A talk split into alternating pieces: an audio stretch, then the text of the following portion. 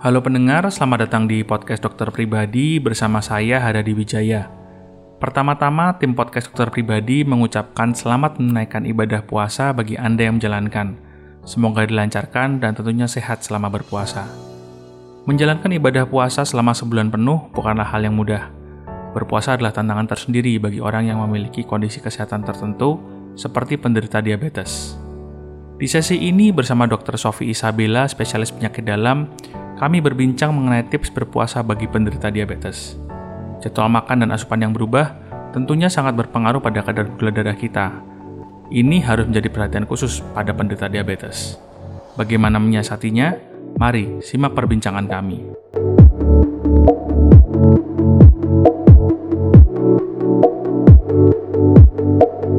Halo, selamat sore Dokter Sofi.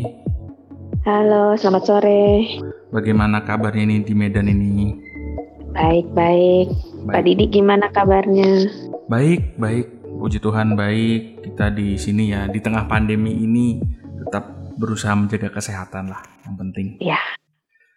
Nah, Dokter Sofi, uh, ya. walaupun di tengah pandemi ini kan kita akan menyambut sebuah momen yang luar biasa, terutama untuk teman-teman kita atau saudara-saudara kita yang Muslim yaitu bulan Ramadan.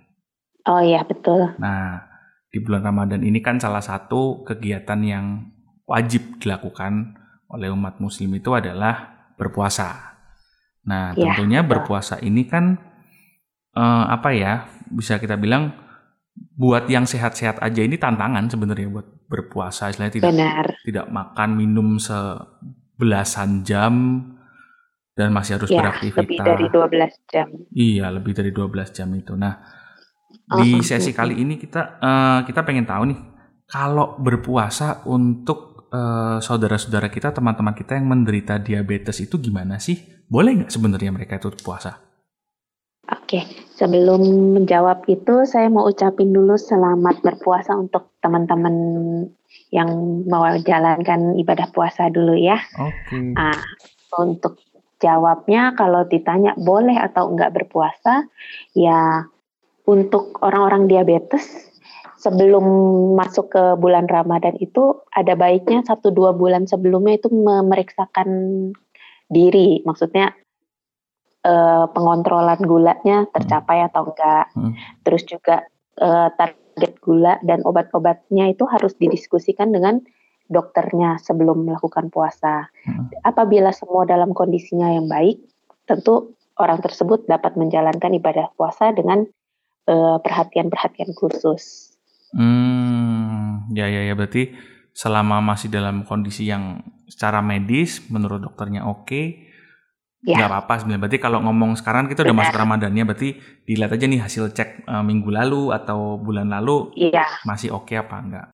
Benar karena pasien-pasien apa diabetes itu kalau uh, saat berpuasa rentan yang namanya hipoglikemi atau uh, kadar gula darahnya turun. Hmm, hmm. Atau di samping itu juga selain hipoglikemi dia juga rentan malah gula darahnya naik tinggi. Hmm. Dan bisa juga tercetus satu keadaan akut yang namanya ketoasidosis diabetikum. Jadi apa eh, pasien bisa sampai nggak sadar nah, karena berpuasa itu. Nah makanya untuk mencegah hal-hal itu sebelumnya harus melakukan pengecekan sendiri eh, ke dokter dulu untuk dilihat kondisinya prima nggak untuk menjalankan ibadah puasa. Hmm oke okay, oke okay, oke. Okay. Memang resikonya tadi bisa dari yang uh, gula darahnya drop ya. banget sampai yang sampai melonjak itu. Itu kenapa Dari dok? drop maupun tinggi. Karena memang Karena uh, apa mekanisme tubuh ya itu ya. Hmm. Pada saat puasa pasti kan gula kita di dalam tubuh kurang. Hmm. Hmm. Nah, gula tubuh yang di dalam kurang uh, efeknya juga uh, akan membuka cadangan-cadangan gula di tubuh. Nah, hmm. hmm. pembuka cadangan gula di tubuh itu juga uh, bila mekanismenya nggak terlalu baik, dia akan menyebabkan gula darah yang tinggi. Ataupun juga saat membuka cadangan-cadangan tubuh itu bisa terbentuk asam lemak bebas. Nah, asam lemak bebas ini yang bisa mencetuskan adanya komplikasi akut seperti ketoasidosis diabetikum. Begitu. Hmm, ya, ya, Makanya ya, ya harus uh, tahu dulu kondisi diri sebelum puasa. Hmm, ya ya. Berarti kalau selama puasa gitu juga apa uh, buat orang yang menderita diabetes ini kan biasanya minum obat secara rutin dong. Ini ada ada ya. perubahan nggak? Karena kan di tengah-tengah puasa juga berarti nggak boleh minum dong. Gitu. Pasti, pasti ada perubahan tergantung dari jenis obat yang dikonsumsi sama uh, penderita diabetes itu. Hmm. Kita di sini ngomongin sedikit uh, golongan-golongan obat ya. Hmm. Yang paling sering digunakan kalau di Indonesia ini paling banyak namanya metformin. Hmm. Uh, metformin ini dia penggunaannya biasanya tiga yang biasa itu tiga kali sehari. Nah, hmm. pasti kan ada di waktu siang. Nah, yeah. itu yang harus diganti. Jadi uh, saat pagi atau sahur dia minum satu dosis yang biasa. Hmm. Saat berbuka dia minum dua dosisnya begitu. Jadi oh. dialihkan ke saat berbuka. Okay. Uh, itu golongan metformin. Kalau golongan lain yang sulfonylurea yang obatnya namanya depannya gli, gli, glibenclamid, glimepirid, gliquidon, nah itu tergantung uh, frekuensinya. Kalau dia frekuensi yang sulfonylurea ini dua kali sehari, maka yang paginya hanya setengah dari dosisnya. Misalnya biasa satu tablet dikasih hmm. jadi minum setengah dan di pas saat berbukanya dosis seperti biasa. Kalau yang uh, sulfonil urea ini uh, satu kali sehari, maka diubah jadi yang saat berbuka. Begitu. Hmm. Jadi uh, dosisnya pasti di ada perubahannya. Diarahkan ke yang berbuka memang ya dok. Kenapa? Karena ya, oh, lebih mungkin... banyak berbuka. Karena kalau yang uh, pas sahur kan kita masih butuh gula itu untuk seharian itu kan. Oh, iya. Sedangkan kalau berbuka itu kan dia masih ada uh, waktu untuk isi isi makan lagi, isi minum. Iya, iya, iya. Ah, berbeda juga juga dengan ada kan orang DM yang pakai insulin yang disuntik-suntik itu. Oh iya, iya. Ah, itu juga beda lagi. Uh, insulin sendiri ada beberapa jenis, ada ya secara golongan besarnya ada yang kerja panjang dengan kerja pendek. Yang kerja panjang itu penggunaannya biasanya sekali sehari disuntik, uh, disuntik jadinya waktu malam hari. Hmm. Kalau yang untuk uh, insulin yang mengontrol gula saat makan itu kalau namanya kalau berarti nggak makan siang berarti nggak disuntik waktu siang. Hmm, mengikuti iya, iya. waktu makan. Waktu makan berarti buka sama sahur aja iya. berarti paling ya dok ya? Iya, dan sahurnya pun juga setengah dosis karena kan dia takut terlalu turun biasanya hmm, begitu. Ya ya ya ya, berarti ya baiknya tetap dikonsultasikan dengan dokter yang memberikan ya, medication. Harus ya. mengkonsultasinya untuk uh, tahu dosis obatnya dan persiapan persiapannya. Hmm, ya ya ya ya ya.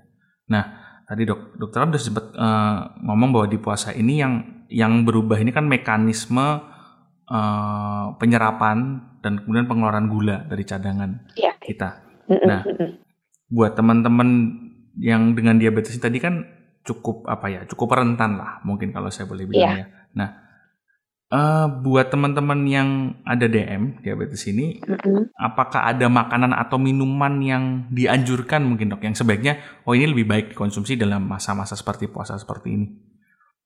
Uh, secara garis besar sih sebenarnya pola makan sebenarnya nggak beda sama yang penderita DM sama uh, sebelum puasa ataupun sesudah puasa. Hmm. Tetap harus mengkonsumsi karbohidrat kompleks yang gampang diserap tubuh dan di, diserapnya itu lambat. Contohnya buah, sayur, hmm. gandum. Nah, itu lebih baik di, uh, dikonsumsi yang seperti itu untuk hmm. sahur. Sedangkan untuk berbuka apa uh, saat buka dia itu porsi kecil dulu dan jangan langsung yang banyak. Begitu. Hmm, ya, ya, ya. Dan ya. jangan lupa di saat berbuka dan sebelum sebelum puasa minum harus cukup. Harus tercukupi paling nggak 2 liter sehari. Oh, oke. Okay. Berarti ang angka 2 liter iya. itu bisa tetap tetap selama masa berbuka atau sebelum puasa iya. atau sahur itu selama tercukupi nggak masalah berarti dok ya? Iya. Oke, oke. Nah, mungkin ini pertanyaan terakhir untuk sesi ini mm-hmm. nih. Ini okay. dok.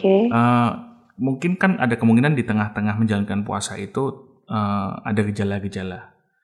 Nah, kira-kira gejala seperti apa dan kapan di mana uh, orang yang memiliki diabetes ini lebih baik saya membatalkan puasa saya dan nanti saya membayar hutangnya daripada ini mengancam nyawa saya. Itu gejala seperti apa, Dok? Oke. Okay.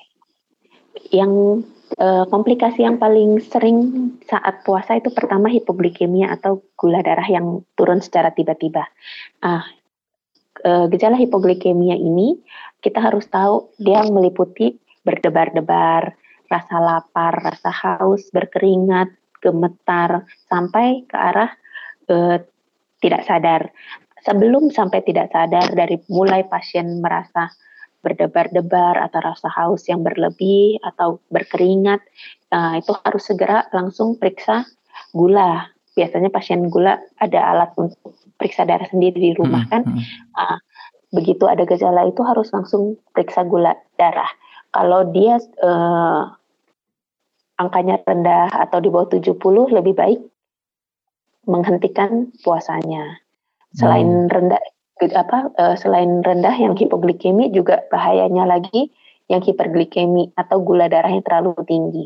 Gula darah di atas 300 dengan adanya demam, tidak sadar atau sesak juga itu uh, kecurigaan ke arah komplikasi akut seperti ketoasidosis. Maka itu juga harus dihentikan. Biasanya gula darah di atas 300. Hmm. Dan juga kalau pasien uh, pasien DM men, merasa tubuhnya memang nggak enak atau menderita sakit yang lain ya e, lebih baik dihentikan dan dibayar di hari lainnya daripada kondisinya lebih sakit dan lebih nggak bisa menjalankan ibadah yang lainnya. Bener-bener bener. Berarti tetap harus ya memang di tengah-tengah itu ya apalagi kan lebih rawan lah ya mungkin kalau kalau buat orang-orang dengan diabetes ini ya justru memang niatnya puasa dan tetap harus menjaga itu semua kira dok ya iya betul Oke, mungkin kira-kira begitu untuk sesi ini. Terima kasih kembali untuk Dokter Sofi untuk sharingnya. Okay. Semoga memberikan informasi buat teman-teman kita yang atau saudara-saudara kita yang menderita diabetes bisa dibagi informasinya sehingga bisa lebih tenang menjalankan ibadahnya. Oke, terima okay. kasih. Oke, terima kasih dokter. Sampai ketemu di sesi berikutnya.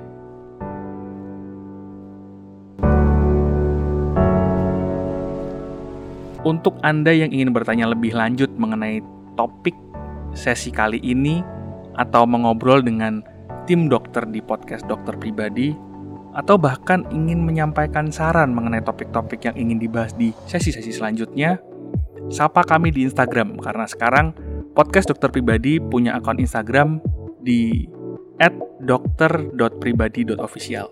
Sekali lagi akun Instagram kami ada di dokter.pribadi.official.